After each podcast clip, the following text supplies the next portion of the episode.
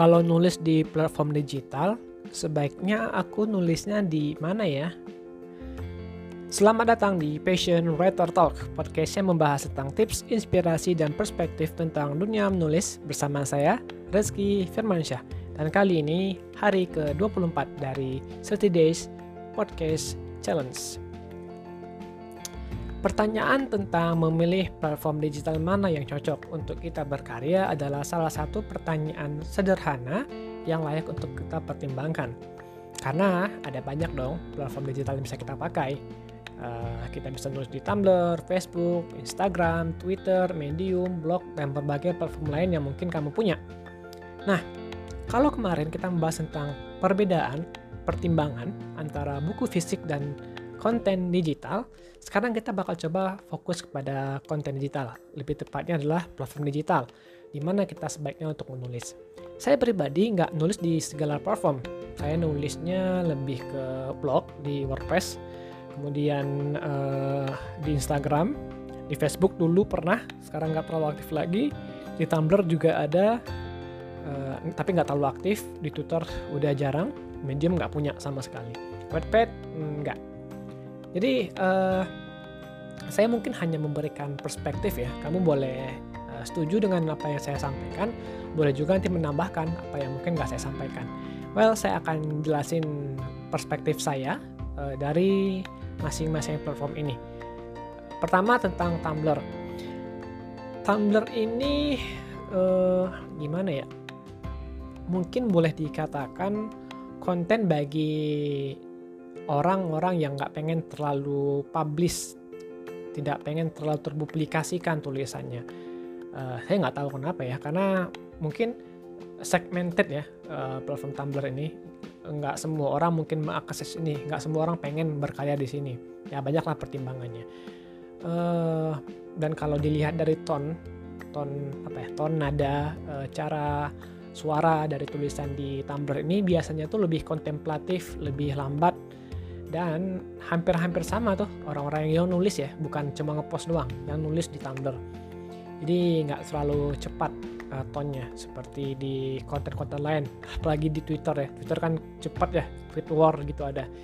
Tapi ya ini menarik bagi kamu yang pengen lebih nulis jurnal uh, jurnal harian baik itu jurnal hikmah atau bahkan jurnal sampah tanda kutip ya. Ini pernah saya bahas di Instagram sebelumnya. Silahkan kamu baca kembali tentang uh, self healing dengan menulis.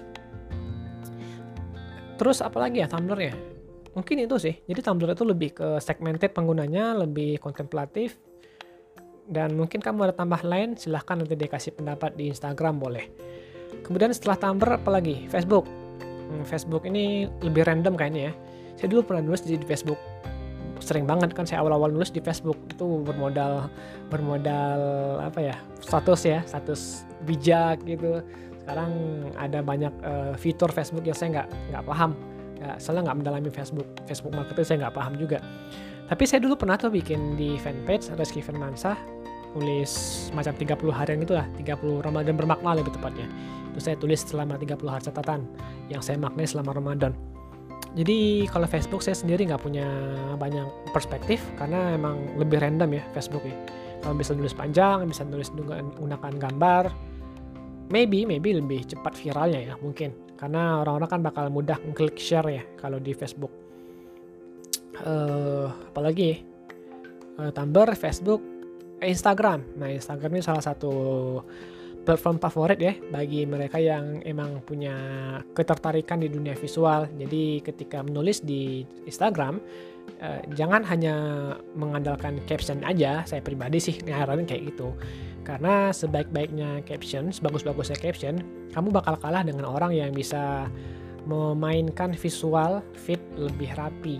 Bukan berarti nggak penting ya kita untuk memper mempercantik caption kita atau penting banget karena konten is the king, but uh, context is the kingdom. Itu kan pernah kamu dengar pasti ya. Jadi sebaik-baiknya konten bagi kita, tapi itu hanya raja. Konten raja tanpa kingdom, tanpa kerajaan, ya nggak punya apa-apa. Begitulah konteks. Konteksnya ya seperti visual kita. Mungkin permainan fit kita seperti apa, uh, pola-pola fitnya ya. Kemudian mungkin juga uh, slide share yang bisa kamu share di geser-geser kiri kanan, carousel mungkin lebih tepatnya. atau ya kamu bisa di riset uh, gimana Instagram yang menarik bagi para pengguna Instagram. So kalau kamu pengen berkarya di, di Instagram, manfaatkanlah dua pola itu, uh, feed dan caption. Manfaatkan visualnya. Jangan cuma modal caption doang. Apalagi Twitter. Nah kalau Twitter ini pertimbangannya karakter yang kita posting terbatas, hanya sekitar 140 ya lebih kurang ya. Dan uh, pergerakan Twitter cepat banget ya. Jadi kalau orang-orang yang pengen nulis panjang, saya nggak saran di Twitter sih. Walaupun orang-orang ada bikin thread gitu ya bikin thread itu semacam utas. Apa sih utas tuh? Semacam tulisan bersambung lah tweet war uh, bukan tweet war jadi uh, paragraf 1, paragraf 2, paragraf 3 sampai seterusnya. Di school tweet kuliah twitter tuh kalau zaman-zaman orang dulu nah, saya nggak bisa ngasih banyak perspektif tapi itulah sedikit keterbatasan saya tentang twitter. Uh, keterbatasan kamu bakal menantang kamu untuk menulis sebaik-baiknya sesingkat-singkatnya dan sepadat-padatnya konten di twitter. Apalagi medium. Nah medium ini teman-teman biasanya orang-orang yang nulis opini kayaknya ya orang nulis, nulis artikel non fiksi biasanya. Dan medium ini uh, visualnya lebih minimalis. Ya semacam platform blog lah tapi ya lebih rap tidak terlalu repot karena emang udah ada fitur-fitur manualnya dan kamu bisa membaca block walking juga banyak di sini. Kamu bisa banyak baca tulisan orang-orang lain sesuai dengan kategori yang kamu suka, pengembangan diri, kesehatan, uh, entrepreneurship mungkin dan sebagainya. Jadi Medium adalah platform cocok bagi kamu untuk menulis sekaligus membaca. Apalagi blog. Nah, kalau blog ini lebih uh, lebih bebas ya. Jadi kalau bagi kita yang pengen uh, berkarya se sebebas-bebasnya sekaligus bermain coding uh, Facebook eh Facebook blog nih platform yang tepat bagi kamu. Walaupun nggak mesti jago-jago banget coding-codingnya kamu cukup bisa main WordPress-nya doang lah atau blogspot-nya doang. Karena uh, hanya di di blog kamu bisa pakai namamu seutuhnya. Maksudnya adalah kamu pakai namamu tanpa ada embel-embel uh, platform lain. Contohnya kan kalau Instagram kan instagram.com Reski Passion Writer ada kata-kata Instagramnya. Tapi kalau kamu nulis di blog kamu bisa pakai namamu utuh. Ya misalkan reski.com ya gitu doang. Nah bagi kamu yang pengen terlihat profesional nulis di blog adalah salah satu pilihan yang tepat. Apalagi Wattpad. Wattpad tutorial lebih tepatnya. Nah Wattpad tutorial ini biasanya adalah orang-orang yang emang nulis cerpen nulis cerbung tetap bersambung dan ada juga penikmatnya banyak banget. Karena ya tadi kayak Tumblr kan Tumblr punya penikmatnya sendiri segmented sendiri Wattpad ataupun Storytel juga begitu. Karena orang-orang punya pasarnya sendiri lah dan nggak masalah loh teman-teman ketika kita nulis di uh, nulis di dunia online di Wattpad misalkan kita udah dapat uh, pembaca apa ya tulisan nomor satu lah favorit gitu. Bahkan ketika jadi buku bukan bukan berarti tidak bukunya tidak laku toh banyak kok buku-buku yang laris di Wattpad juga laris di pasaran. Ya itu dua dunia yang berbeda tapi saling berkesinambungan saling berkaitan satu sama lain lah.